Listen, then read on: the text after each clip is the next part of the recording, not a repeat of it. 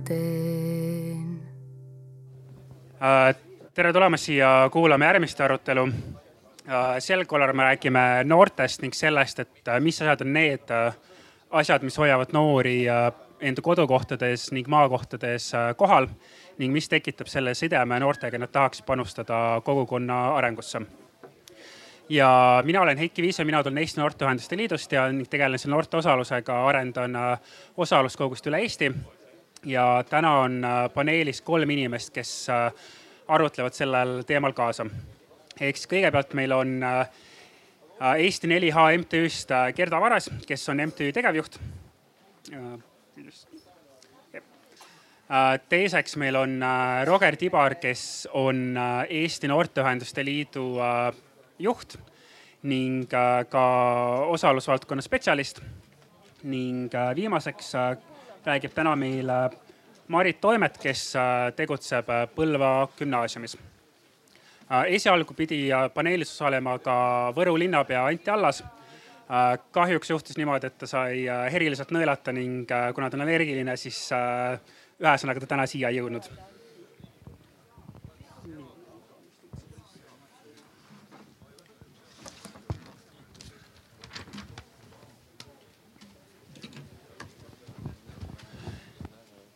nii, aga alustuseks mõned küsimused meie panelistidele selleks, et äh, saaksime nendega rohkem tuttavaks ning et kuidas nemad on üldse teemaga seotud. ehk siis äh, ma kõigepealt küsiksin äh, Gerda käest, et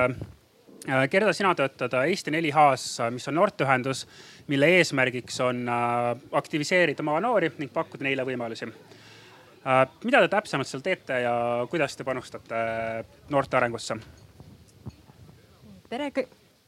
tere kõigile. Äh, meie noorteühing on üle-eestiline noorteühing, meil on kokku kuskil äh, tuhat ükssada liiget üle Eesti, kellest siis äh, kaks kolmandikku asuvad maapiirkonnas. ja meil on noorteklubid.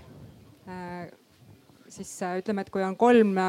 huvitatud noort, nad leiavad endale täiskasvanud juhendaja, nad moodustavad klubi ja need klubilised tegevused võivad olla hästi erinevad. et meil on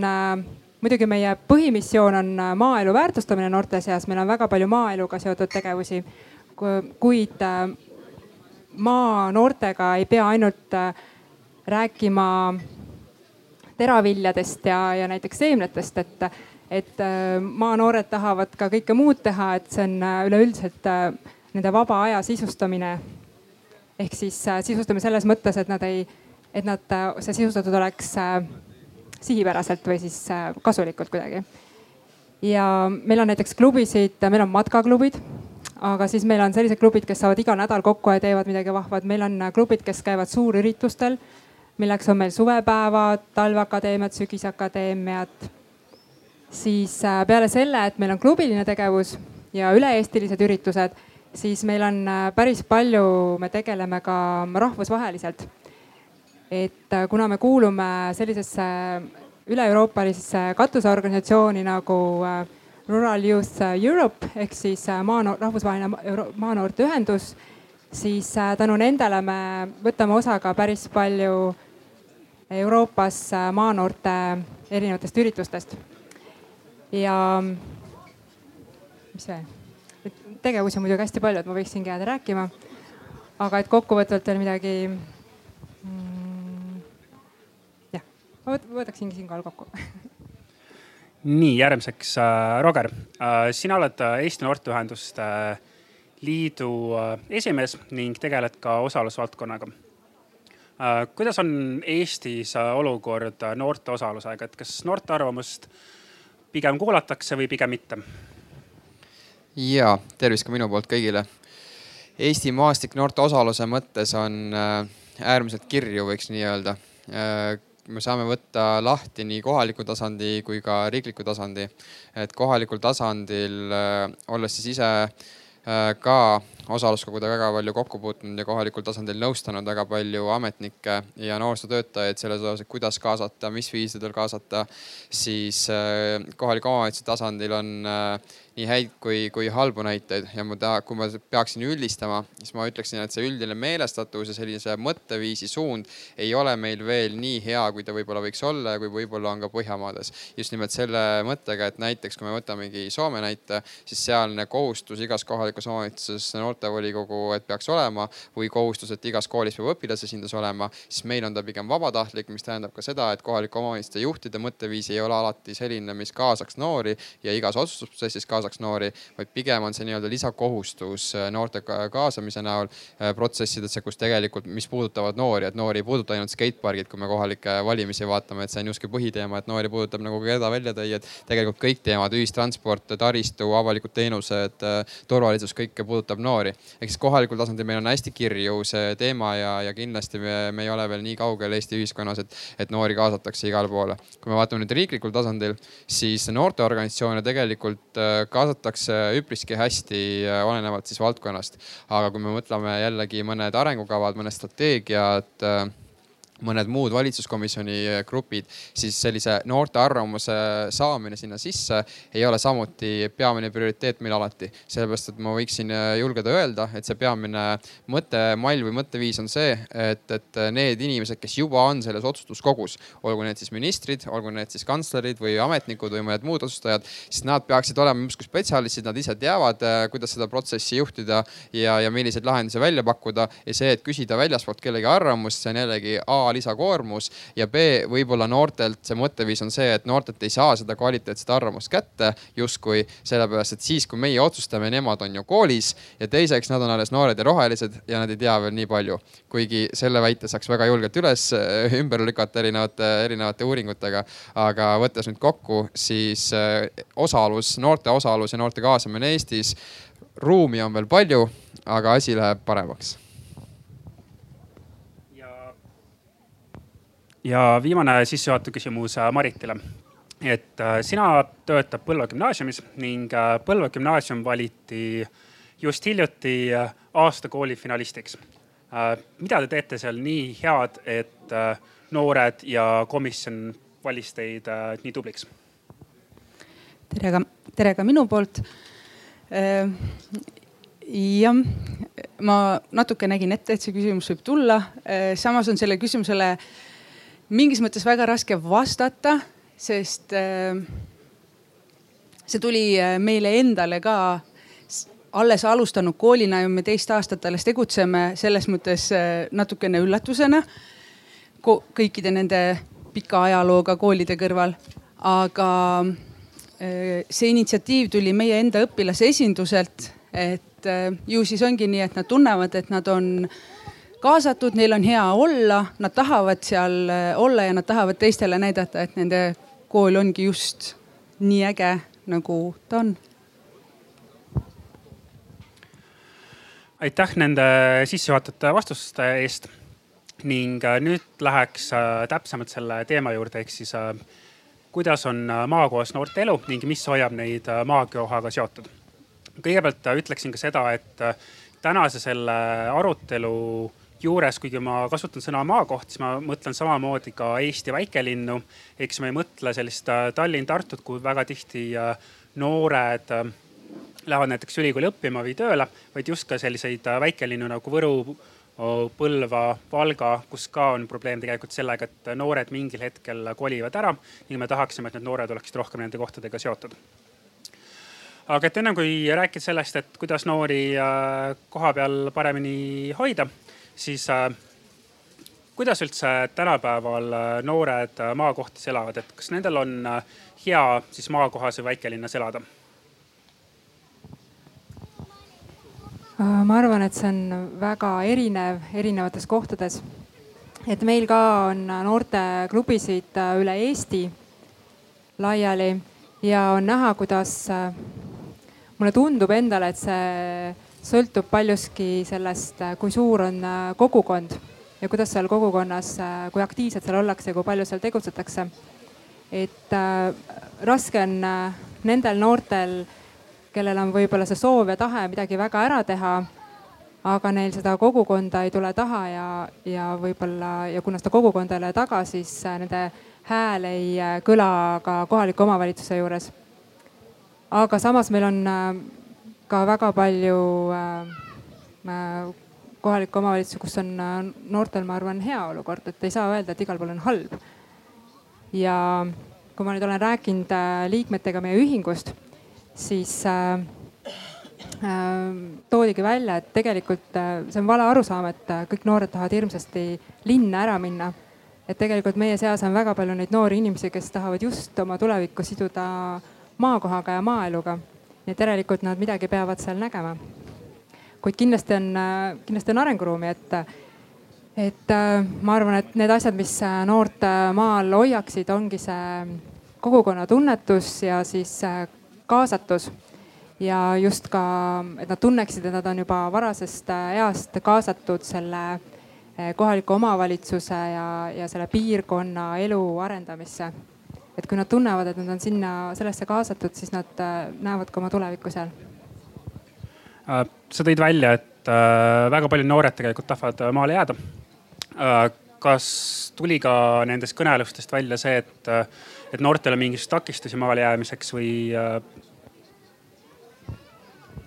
no siin tuleb mängu see, et kes on nüüd noor, et kellest me täpselt räägime, et noorsootöö seaduse järgi on noor on ju seitsme kuni kahekümne kuue aastane. Et kui me räägime nendest noortest, kes on juba keskkooli näiteks lõpetanud ja mõtlevad oma tuleviku peale ja näiteks juba üle kahekümnesed, kes mõtlevad ka võib-olla perekonna loomise peale. et siis äh, nende vanemate noorte puhul paraku äh,, mis neid nagu maale kutsub tagasi, on äh, töö kindlasti, elukoht aga ka selles mõttes, et see peab olema ka järjepidev. et äh, väga palju toimub maal minu arust äh, projektipõhiselt, mis noh, ühest küljest on muidugi hea, et sul on arenemisvõimalus taotleda raha, aga teisest küljest on see, et sellel ei ole järjepidevust, et neil ei ole nagu kindlustunnet. et kui me mõned aastad tagasi tegime oma ühingus äh, siis alla kaheksateistaastaste noorte seas äh, küsitlust, et mis neid maale kutsub ja kas nad näeksid oma tulevikku maal, siis tegelikult alla kaheksateistaastased noored mõtlevad väga tulevikupõhiselt, et, et ei ole midagi niimoodi, et nad ei mõtle nii-öelda tõsiste asjade peale, vaid nemad mõtlevad samamoodi, kui nad tulevad maale, et neil peab olema töö ja elukoht ja järjepidevus. aga nagu ma ennem tõin ka välja, et minu arust on kaks hästi olulist äh, märksõna, seesama äh, kogukond äh,, mis peab olema tugev, et sa üksi ikkagi maal hakkama ei saa, et sul peab olema seal lähedal inimesi ja, ja see ja et kui noor jah, kogukond ja siis ikkagi selline kaasatus on minu poolt märksõnad. Marit, mis sa arvad, kas uh, ühel aktiivsel noorel, kes oletame, et ta on lõpetanud uh, Põlvas kas põhikooli või siis Põlva gümnaasiumi kas tal on piisavalt palju võimalusi selleks, et enda elu täisväärtuslikult Põlvas jätkata? no tõenäoliselt äh, esimese mõttena ikkagi äh, pärast äh, kas põhikooli või gümnaasiumi lõppu nii ehk nii on väga paljudel, et tahaks jätkata oma õpinguid, mis paratamatult viib mõneks ajaks vähemalt noored maakohtadest väljapoole. aga iseenesest, iseenesest ei olegi ju selles mitte midagi halba kui täpselt tulles tagasi Gerda sõnade juurde, kui neil on see kogukonna tunne ja see, et see koht, kust ma tulen, on minu koht. et siis, siis nad suure tõenäosusega leiavad ka ikkagi oma tee tagasi, kas siis kohe pärast ülikooli lõpetamist või siis kutsekooli lõpetamist Äh, teine asi on ka see, et äh, mõnikord ei ole ka sellest midagi äh, halba, kui nad ongi mõned aastad võib-olla elanud väljaspool, saanud kogemusi, inspiratsiooni ja siis nad tulevad, kuna nad tunnevad, et see on tema koht, tal on see kogukond seal, tal on tugivõrgustik võib-olla seal. et siis, siis ta tahabki tulla sinna tagasi ja rakendada neid teadmisi, mis ta on saanud, aga selle eelduseks on ka see, et ta on juba, juba koolis käies saanud selle kogemuse, et noori kuulatakse, tema äh, ettepanekuid on arvestatud või äh, tema, äh, tema grupi ettepanekuid selles mõttes, et see saab ilmselt määravaks, et täiesti paigal ja lõpuni paigal ei olegi mõistlik, ma arvan, noori hoida ühes kohas. Äh, Roger, ENL on teinud päris palju erinevaid töötubasid maapiirkondades ja linnades noortele. Kus uuritaksegi just seda, et mis on noorte arvates need kõige olulisemad kohalikud probleemid, millele võiks omavalitsus lahenduse leida, et et mis on need kõige tüüpilisemad asjad, mida maanoored toovad välja, et mille järgi nad tunnevad vajadust, et mis võiks maal olla rohkem, et neil oleks parem elu ja tõepoolest näiteks eelmisel aastal meie Eesti Noorteühenduste Liiduna käisime circa neljakümnes koolis, jõudes umbes tuhande kahesaja nooreni üle Eesti, pakkudes koolitusi ja nõustamist ja alati üks äh, esimesi küsimusi, mida me noortelt küsime, siis on, mis on need põhiprobleemid, mida te tunnetate, et teie enda jaoks ehk siis teie noorte jaoks äh, siin kogukonnas, siin teie elukohas äh, on võib-olla takistusena nii-öelda täisväärseks eluks või, või erinevate võimaluste kasutamiseks või kasvõi huvihariduse osa osalemiseks ja, ja ükskõik millisesse kohalikku omavalitsusse Eestis lähed äh, isegi peale haldusreformi, kus meile lubati, eks ole, et teenuste kvaliteet paraneb, siis esimene asi, mis probleemina välja tuuakse, on transport. See on läbi ja lõhki mine ükskõik millisesse kohalikku omavalitsusse, transport on meil kõige suurem puudus kohaliku omavalitsuse süsteemide juures. ja mis see täpsemalt tähendab? Noorte jaoks, äh, kellel ei ole perekonnal võimalik näiteks autoga transportida hommikul kooli, koolist koju või trenni. kui trenn näiteks ei asu sealsamas tema elupaiga lähedal, vaid, vaid ta elab kuskil väiksemas kohas suure asula lähedal, siis äh, ühistranspordivõrgustik ei võimalda tal peale kooli näiteks osaleda trennides äh, huvihariduses. sellepärast, et on kaks varianti, kas sa siis oled koolis ja oledki sealt veel kolm tundi edasi siis linnas, äh, käid huvihariduses ära ja loodad, et vanemad saavad sulle järgi tulla, sest buss peale seda sind enam koju ei vii või vastupidi sellel võimalusel, kui see isegi äh, buss viib, siis näiteks hommikul üldse kooli või asulasse saamine on keeruline, sest ühe kohaliku omavalitsuse näide oli see, et Äh, bussid lähevad täpselt niimoodi, et kõik õpilased äh, jäävad kümme minutit tundi hiljaks ja peavad kümme minutit varem tundidest lahkuma, sellepärast et ühistranspordivõrgustik on niimoodi üles ehitatud, et nad ei jõuagi õigel ajal kohale, kes siis ei ela seal asulas sees. ehk siis transport on esimene märksõna, mis on kõige suurem äh, puudulikkus ja teine ikkagi on välitingimustes äh, erinevad võimalused. ehk siis, kui meil nüüd riiklikult äh, huvihariduse täiendav toetus kohalikele omavalitsustele tuli ja nüüd on juba teine ring, mil on tulemas. see tähendab, et tegelikult erinevate huvihariduste jaoks võimalusi kohalikel omavalitsustel peaks olema ja sellest tulenevalt ka transporti peaks saama täiendada. aga just välitingimustes äh, erinevate keskkondade loomine, noorte jaoks võimaluste äh, pakkumine, kus, äh, mis ei ole ainult võib-olla mingid jalgpalli ja, ja võrkpalli ja korvpalliväljakud, vaid on ka diskgolfirajad, äh, välijõusaalid, tegelikult ka kõik muud tervislikku eluviisi propageerivad võimalused. Need on noorte jaoks väga suur puudulikkus, et, et siuksed jalgpallid, trummiringid ja tänapäeval ka robootika on aina enam äh, selline huvihariduse või trenn, mida pakutakse. aga tegelikult, kui noor tahab lihtsalt oma sõpruskonnaga väljas olla ja selle juures teha midagi mõistlikku, olgu see siis äh, enda füüsise arendamine või olgu see lihtsalt mõne muu sellise vaba aja tegevuse tegemine, siis selle jaoks äh, jääb, jääb vajaka. ja kui ma korraks tuleksin tagasi sellesama eelmise teema juurde, et, et kuidas see olukord meil tegelikult kohalikul tasandil on, siis tegelikult ma ütleks, et see on äh, kahepoolne mina olen see inimene, kes seisab selle eest, et äh, kui keegi tahab midagi teha, kui noor tunneb, et tal on igav, siis võtku kätte ja ise on võimalik väga palju ära teha, kui sul on seda initsiatiivi. sest mina ise näiteks olen pärit äh, Haapsalust, mis ei ole suurlinn, aga ei ole ka väikelinn Eesti mõistes peale haldusreformi umbes seal kolmteist, neliteist tuhat elanikku. et kui mina ei oleks saanud, ma arvan, seda positiivset osaluskogemust kätte seal Haapsalus, et mina saan oma käte ja, ja meeskonnaga muuta reaalselt midagi Haapsalu keskkonnas, siis ei oleks kindlasti ka mul praegu seda suurt tahet peale Tallinnas neid õpinguid lõpetades ja, ja, ja töö kõrvalt ka tegelikult panustada oma kodukohta. ehk siis see väga suur märksõna ka eelnevate välja toodud märksõnade kõrval minu jaoks on äh, usaldus noorte suunal, et pakkuda neile võimalust ja teiseks positiivne osaluskogemus. et see esimene kogemus, kui sa oma arvamust ütled, ei tuleks äh, negatiivse vastu vastukajana, et me praegu ei saa seda kuulata või et okei okay,, me kuulame, aga me ei anna sulle teada, mis sellest arvamusest saab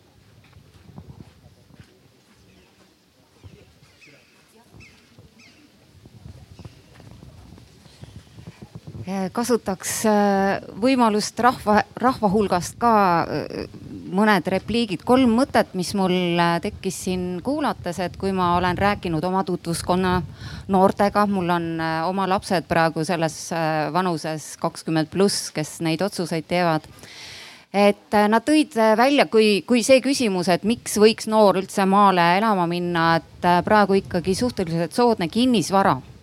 et kui Tartus, Tallinnas maksab kõige lihtsam korter, hakkame rääkima sajast tuhandest, siis tegelikult ikkagi see inimene, kes tahab maal oma või oma elu alustada, et siis tegelikult ikkagi see on üks, üks selliseid argumente et lisaks nendele, mis teie siin tõite, kogukond kahtlemata. ja siis kolm päeva tagasi oli mul hästi põnev äh, võimalus äh, äh, osaleda Võru valla arengukava sellisel väljatöötamise töögrupis ja selline põnev graafik joonistati seina peale. Võru vald, kus siis praegu on kaksteist tuhat inimest,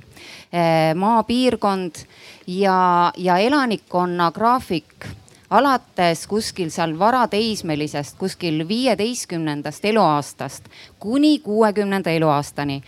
hüppeliselt tõuseb meeste arv ja kahaneb naiste arv ja kuskil vanuses kuuskümmend, seal läksid need graafikud vahetusse. ehk siis vanemad äh, daamid äh, alates kuuekümnendast eluaastast, neid on märgatavalt rohkem kui mehi. ehk siis ma tahan selle jutuga jõuda sinna, et Ähm, selle, sellest on ajakirjanduses olnud ka mitu artiklit. Äh, kõrgharidused, ka noored naised kipuvad linnadesse ja neil ei ole mehi ja maapiirkonnas on äh, pruudiprobleem ehk siis äh, sellised vitaalses eas noored mehed, neil pole jälle naisi. et Äh, ja siis noh, natukene visati seal nalja seal Võru valla arengukava koostamisel, et võiks lausa üks selline programm panna käima, et iga maamees peab linnast tarima ühe, ühe nooriku ja vot. Kolmas mõte oli mul ka, aga praegu ei tule meelde. et natuke võib-olla teist suunda teie arutelul ka. küsimust ei olnud, aga palun kommenteerige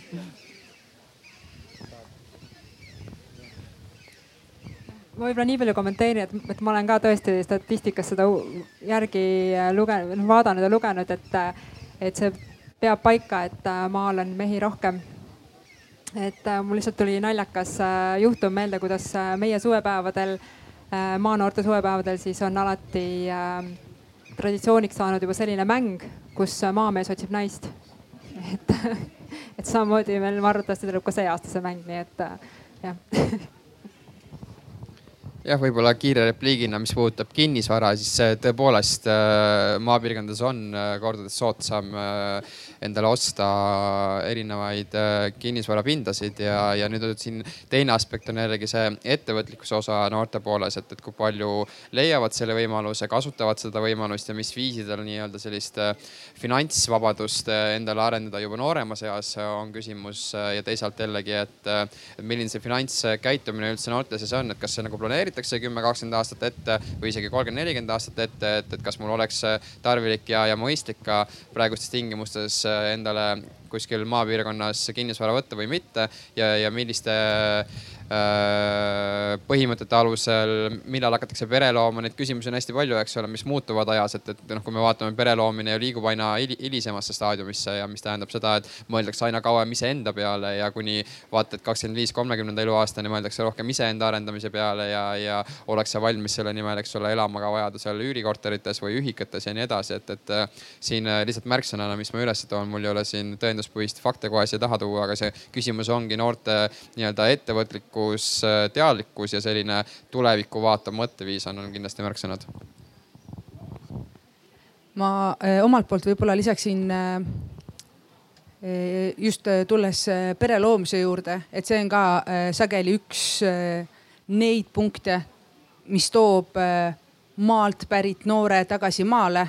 et kui ta ongi mõnda aega olnud linnas, mõelnud iseenda peale, ennast harinud, endaga seal toimetanud ja võib-olla oma äh, partneriga koos. et siis äh, kui ühel hetkel ongi nüüd see plaan, et äh, hakatakse peret looma, et siis sageli hakatakse ka pigem mõtlema selle peale, et tulla tagasi maale. et laps ei peaks kasvama üles betooni ja kivi vahel, et lapsel oleks võimalik õuest ringi joosta, et ta teaks, mis on mets ja metsas ei ela kollid et äh, lasteaiakohad kindlasti maal tegelikult maapiirkondades on äh, palju paremini kättesaadavad sageli noortele peredele kui Tallinnas näiteks või Tartus, kus järjekorrad on ju meeletud. et see on kindlasti üks aspekt, millal hakkavad noored mõtlema tagasi maale kolimise peale Äh, Eesti Noorteühenduste Liidus on meil selline tore printsiip, et iga kord, kui me arutleme noorte üle mingisugusel teemal, siis meie arvates on väga oluline ka see, et äh, noored ise räägivad kaasa. ja ma just tahtsin küsida, et kas mõnel noorel on, on mõni küsimus ja arvamus, aga mul sealt juba käega viibutati, ehk siis äh, väga hea. ja tere, Taavi olen. kaks mõtet, üks on siis tulles tagasi selle juurde, et mis noored on toonud siis nõrkuseks välja, et see transpordi teema, natuke muhelesin selle üle, kuna teema on ikkagi see, et mis hoiab mind kinni. aga see on see, mis neil hetkel on ju kooliõpingute ajal nagu ebamugav, et nad ei saa trennis käia, nad ei saa teha kunsti. see on praegu, aga mis neid kinni hoiab pärast kooli, et küsimus on ikkagi see. aga see selleks. Eh, minu meelest siis teine point on see, et eh, mis hoiab mind kinni. kui ma mõtlen enda peale, siis see peaks olema see on muidugi üldistades, aga see on ju kõrgharidus ja näiteks Võrus ma ei saa kõrgharidust omandada, okei okay,, kutseharidusvõimalus on hea. aga kui ma tahan kõrgharidust, siis noh, ma pean ju kolima Tartusse või Tallinnasse, mis muud üle jääb ja sellega seoses ma ei, mu elukoht liigub Tartusse ja kõik sealt kasvabki edasi järjest. et eh, noh, ma ei tea, üks lahendus, utoopiline lahendus, mida ma ei ütle, et peaks olema reaalne on ju see, et kui oleks äh, kõrgharidusvõimalus ka maakohtades, aga see ei ole reaalne. ehk siis minu küsimus paneelile on, et äh, kuidas siis üldse tegeleda selle probleemiga, et kõrgharidus saab ainult siis suurtematest maakonnakeskustest? ma remargina võib-olla kõrghariduse osas äh, Eesti Üliõpilaskondade Liit äh, tegeleb äh, kõrgharidusküsimustega väga jõudsalt ja, ja, ja meie Eesti Noorteühenduste Liidus niivõrd selliseid resoluutseid seisukohti selles osas vastu ei võta, aga selles osas ma nõustun sinu esimese repliigiga, et, et kuidas neid ikkagi hoida. ja siis ma tooksin võib-olla selle märksõna sulle sinna juurde, et võib-olla noh, küsimus ei ole see, et nad füüsiliselt, eks ole, peaksid seal kohal olema, küsimus on nii-öelda see kontakt nii-öelda oma kodukohaga, eks ole, et sa ikkagi tahaksid sinna panustada ja võib-olla sa ei suuda nii-öelda seitse päeva füüsiliselt seal kohal olla, aga ikkagi sinu kohalolu, äh, kohalolek on nii-öelda tuntav ja tegelikult sa ka panustad ühel või teisel viisil, et, et äh, seal ongi see aspekt minu meelest, et äh, kas äh, näiteks seesama näide sul, eks ole, et vaja on Tartusse kolida äh, kõrghariduse omandamiseks, aga sa kirjutad ennast Tartusse sisse ka või sa jääd äh, sissekirjutusega Võrru niimoodi, et sinu maksud liiguksid sinu kodukohta, eks ole. et see põhimõtteline muudatus, näiteks mina kolisin ka Haapsalust Tallinnasse just nimelt kõrghariduse teemal, eks ole, sest ma ei saa Haapsalus sellist kõrgharidust, nagu ma tahaksin. küll aga mul oli põhimõtteline otsus, et ma olen sisse kirjutatud Haapsalusse, mind ei huvita see Tallinna tasuta transport, mul seda rohelist kaarti ei ole vaja ja linna ei ole vaja maksta maksta seal selle, selle tarbeks. just nimelt selles aspektis, et äh, ma näen, et see üks väike võimalus toetada oma kodukohta kasvõi, et ma olen sinna sisse kirjutatud. ja teiseks, kas sa oled valmis tegelikult panustama ka kogukonna arengusse, nii et kas sa nädalavahetuseti või kord kuus liigudki oma kodukohta tagasi ja panustad sinna. et, et äh, noh, kõrghariduse küsimuses äh, ma hetkel ei ole piisavalt pädev, et vastata aga just ma tulen tagasi sellesama aspekti juurde, et kas sa oled saanud oma kuni gümnaasiumi või põhikooli ea lõpuni, kui sa selle kooli taseme lõpetad ja pead äh, hariduse omandamiseks minema mõnda äh, suuremasse keskusesse. kas sa selle aja jooksul oled saanud selle kogemuse kätte, mis paneks sind mõtlema panustamiseks kodukohta tagasi või sa saadki selle alles kunagi tulevikus, võib-olla kolmekümne aastasena mõtled, et nüüd oleks aeg selle asemel, et jooksvalt tegelikult äh, ka kõrghariduse omandamisel ühel või teisel viisil panustada oma kogukonna arengusse nii, siin taga siis oli ka üks küsimus. Ülo Tuvi endisest Misso vallast. Eh, ma püstitaks ühe sellise vanematele inimestele sellise mureküsimuse, et meil ei ole enam järeltulijaid, kes tahaksid siis vanemate maaelu jätkata ja on tekkinud trend, et eh, tuleb lõpetada ja, ja siis eh, noh, loobuda sellest tegevusest. et eh, noored on hea meelega tantsu- ja lauluringides, kuid sissetulekut on vaja kuskilt ja, ja kõik ja igal noorel on vaba valik, mida ta teha tahab. paraku tahetakse minna ikka kas siis piiri taha või pealinna või. ja üks oluline omavalitsuse kapsaaeda või, või, või noh, teha asi oleks ka see, et oleks õiged planeeringud, kuna praegu käib väga hoogne kinnisvarade jagamine, maade ja metsade äritsemine ja, ja elamute juurde jäetakse minimaalselt, olenevalt siis selle valla üldplaneeringust, kui väikseks võib selle kinnistu jagada seal isegi noh, pool hektarit või vähem, kuhu enam ei anna juurde ehitada ja see tähendab, et seda, et kui keegi selle maakoha ostaks, siis tal ettevõtluse arendamiseks praktiliselt võimalused puuduvad. ja peale selle on noh, riigi poolt finantstuge vaja, et noored saaksid maal ettevõtlust arendada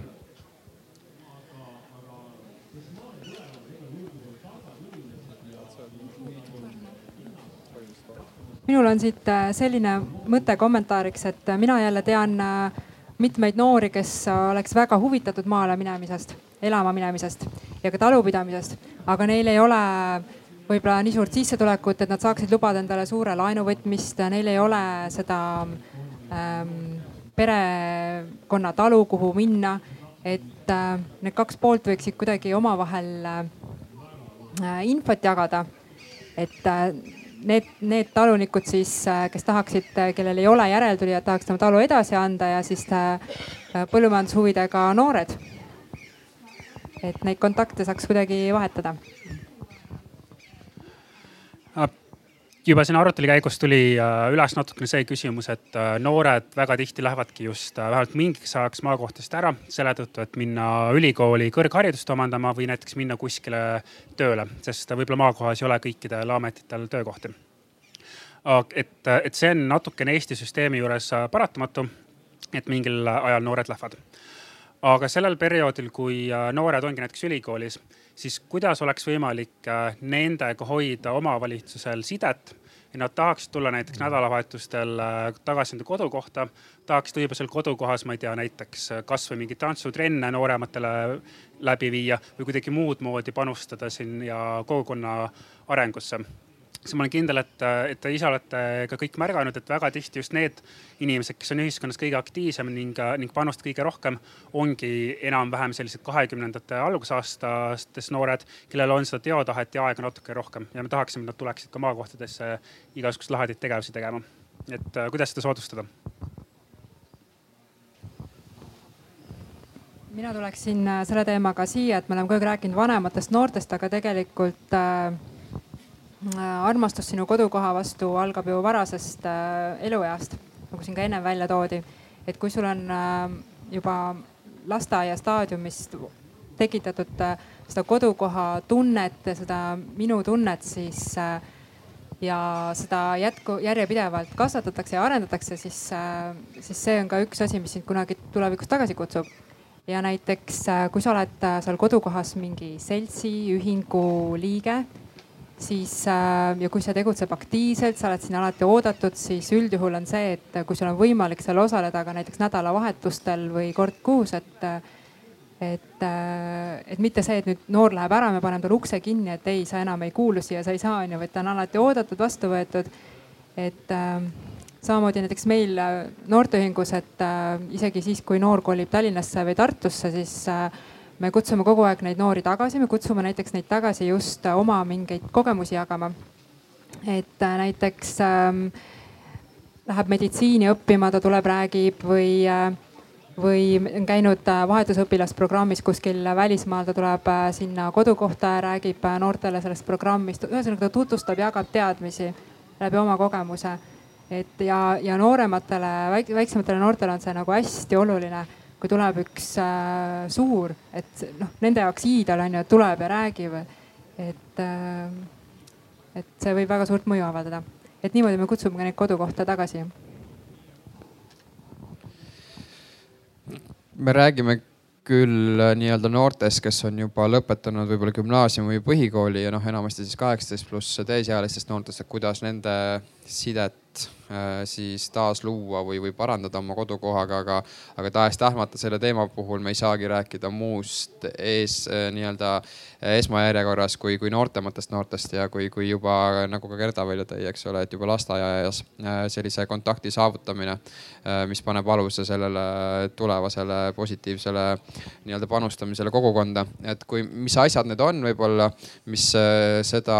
parendavad. Ilmselgelt üks näide, mis on noh või inimesed võivad mulle vastu vaielda, aga on kaasav eelarve ja, ja miks kohaliku omavalitsuse juures kaasav eelarve on oluline, ongi see, et need inimesed, kes reaalselt tahavad panustada oma kodukohta, olgu need noored, keskealised või vanemad inimesed,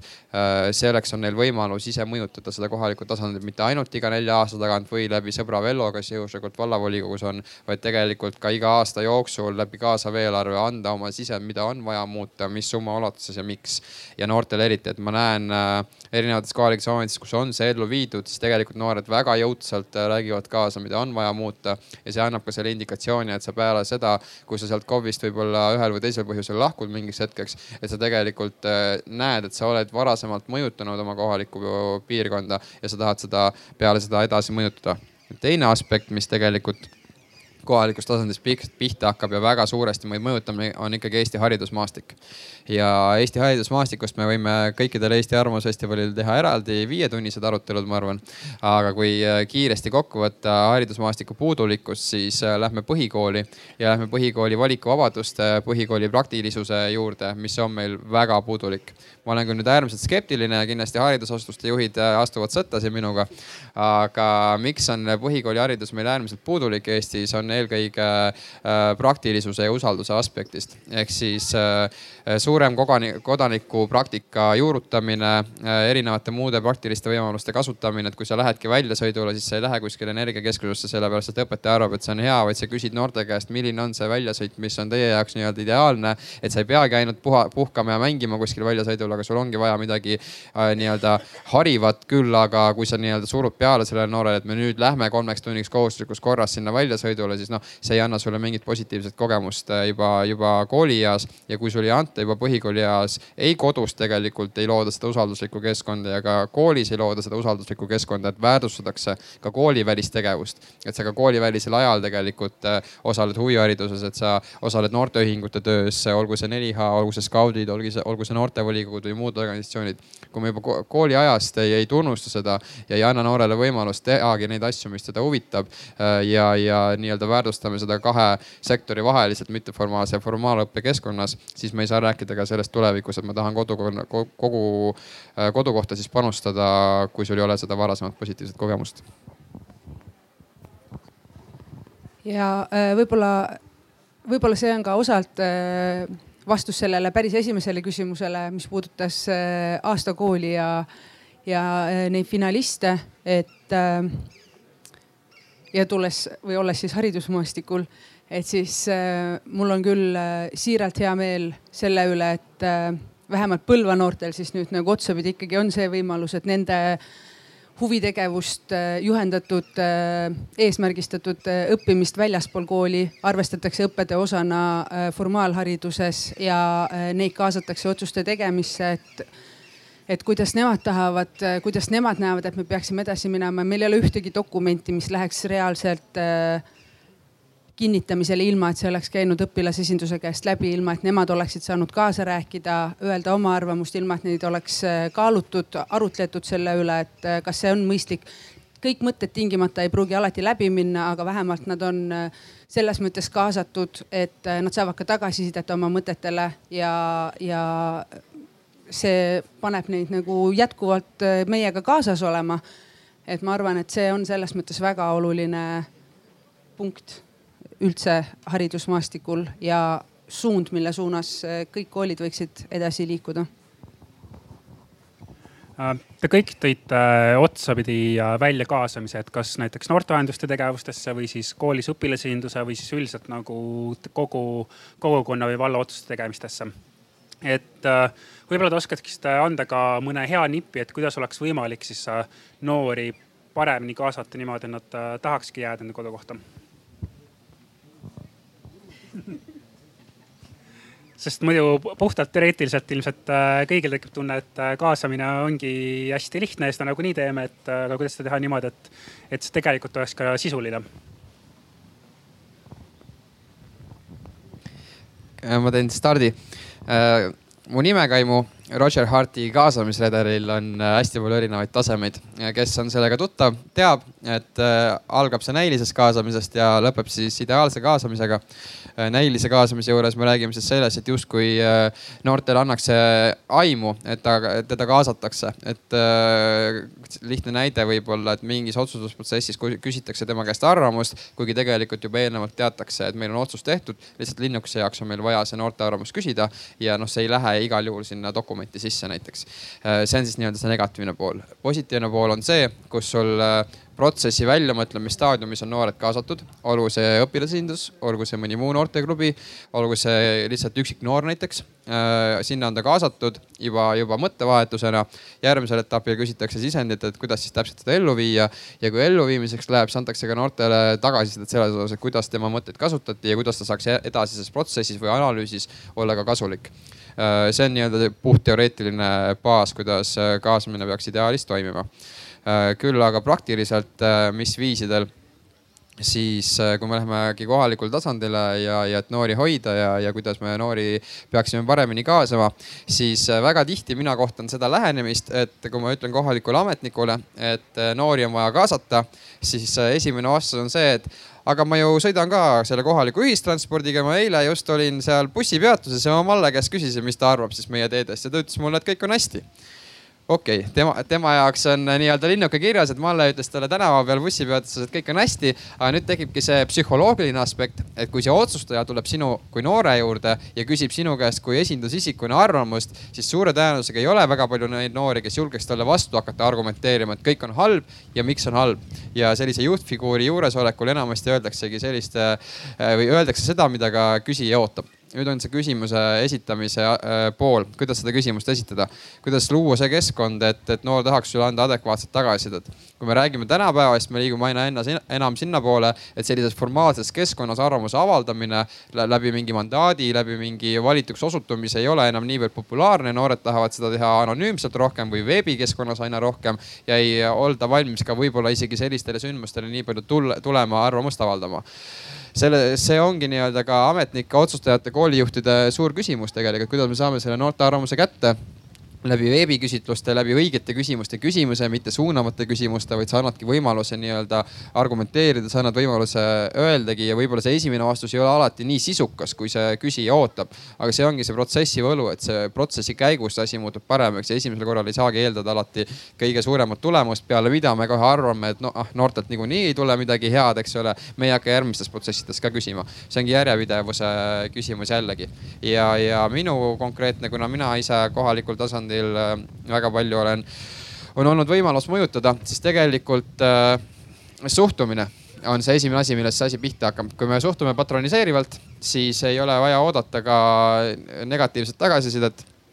Seda niikuinii tuleb. Ja, ja ka tegelikult meil, eks ole, Eesti Noorteühenduste Liidus, me oleme kõik noored, me oleme siin äh, kahekümne ühe kuni kahekümne kuue aastased enamasti Noorteühenduste Liidus. Ja kui me käime kuskil esinemas, siis justkui kuueaastased laululinnud tuleksid lehvitama teile. Et nii Naomi ja noored on ka siin telgi all kohal. aga noh, me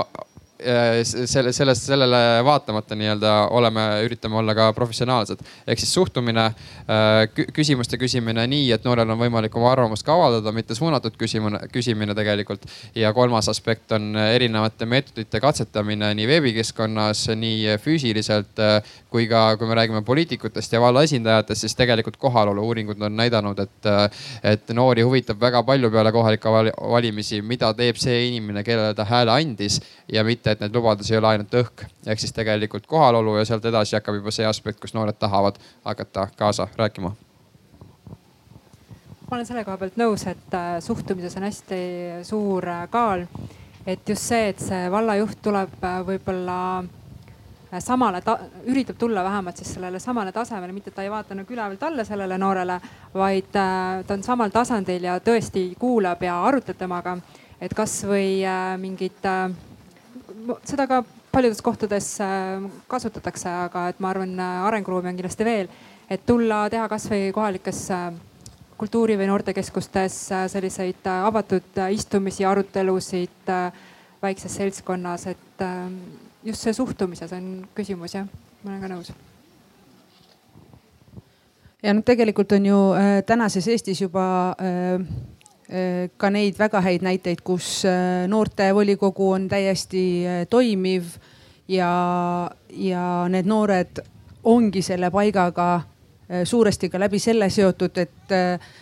nende arvamust kuulatakse, äh, volikogu esimees äh, või vallavanem tuleb, käibki noortevolikogu äh, koosolekutel, ta saab sealt sisendit, samas on need noored kaasatud nii-öelda nende suurte volikogude koosolekutesse. et see on selline vastastikune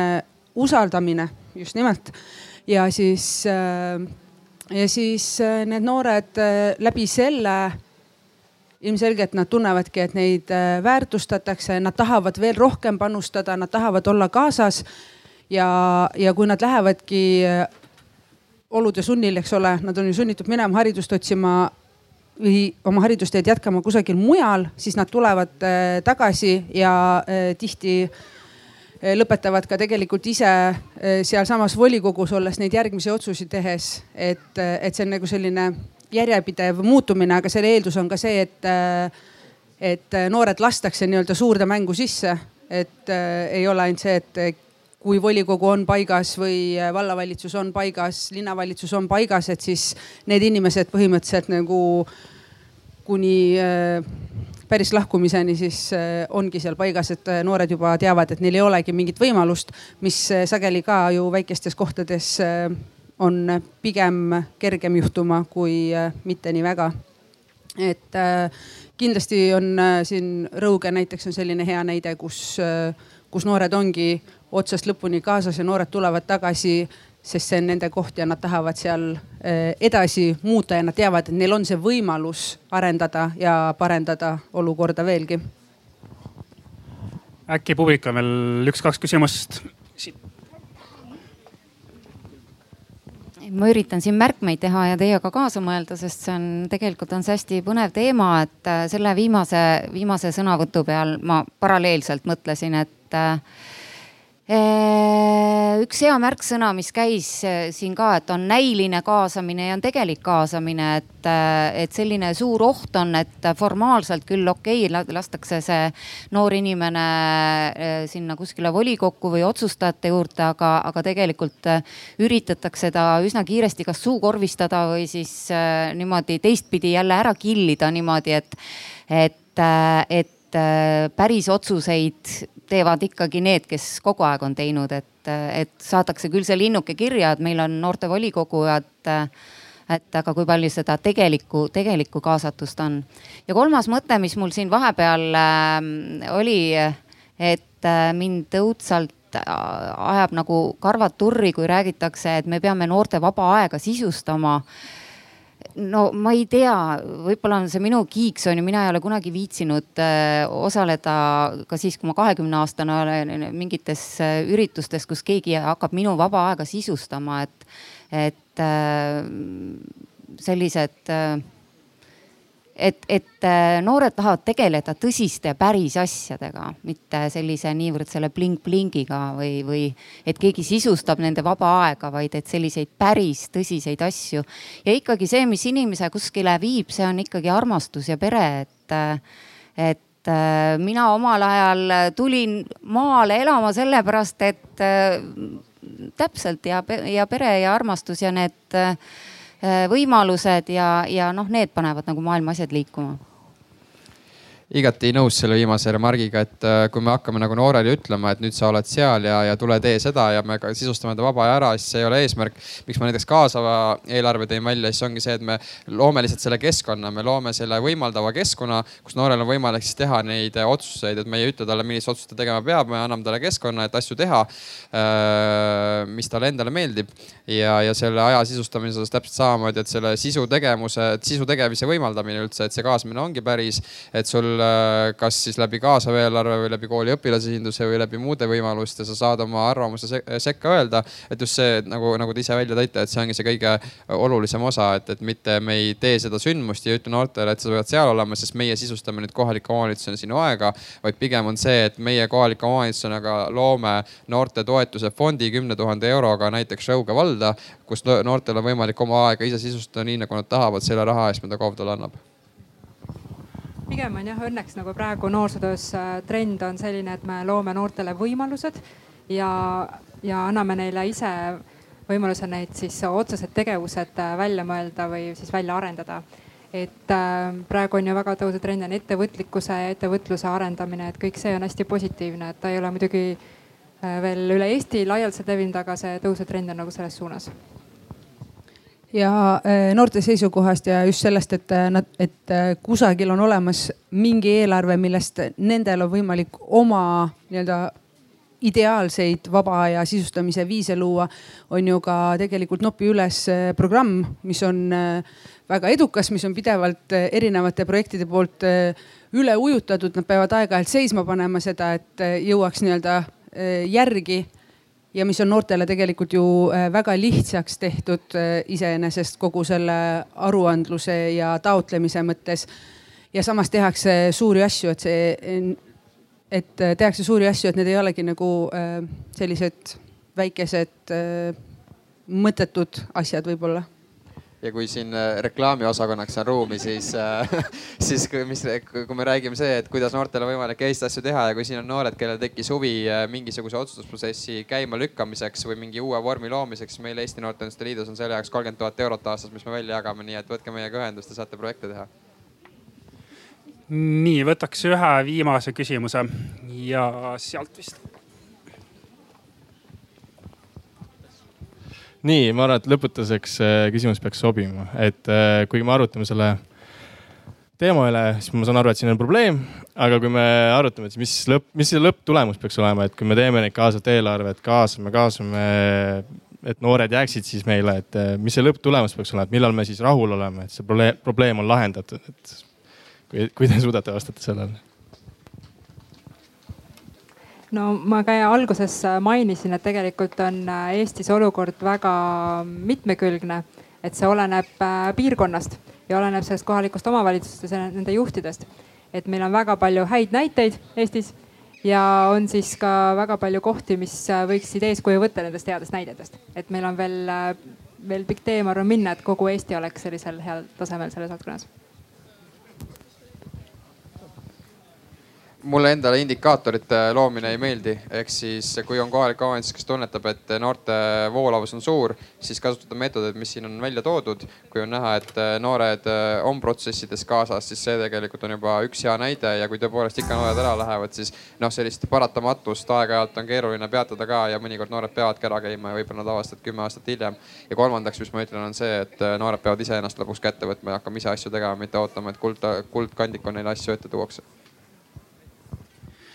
nii ja kuna arutelu aeg on äh, põhimõtteliselt kohe otsas ja meil ongi umbes täpselt kolm minutit aega, siis äh, igale ühele teile üks minut äh, sellele küsimusele vastamiseks, et kui siin on täna publik ja kui nad peaksid ühe mõtte võtma siit arutelult kaasa, siis mis see üks mõte oleks, mis nad võiksid kaasa võtta?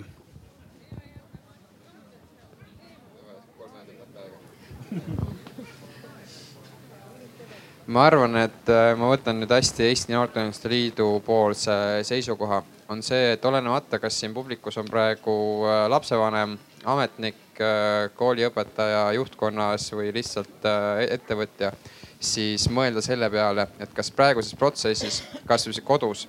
lapsi kaasates või on see koolis noori kaasates, kas selle protsessi juures on antud ka tagasisidet sellele, mis, mida nii-öelda noore arvamus on mõjutanud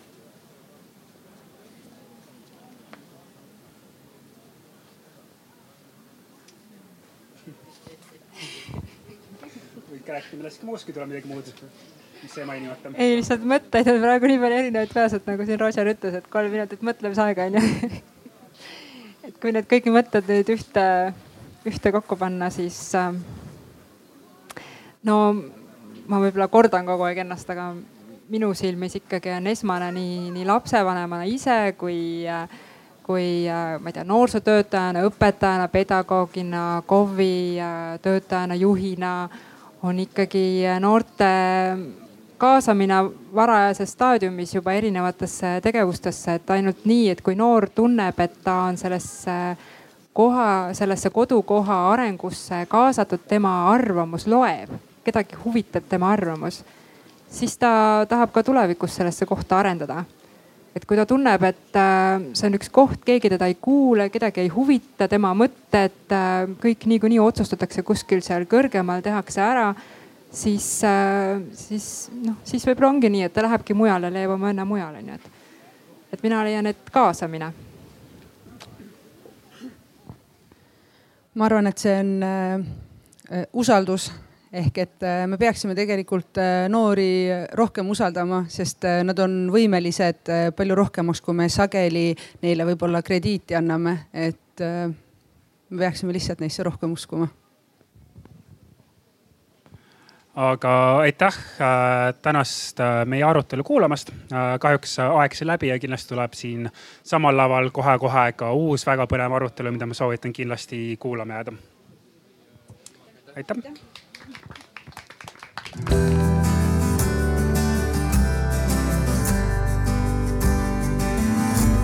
on kuradi kott silmaele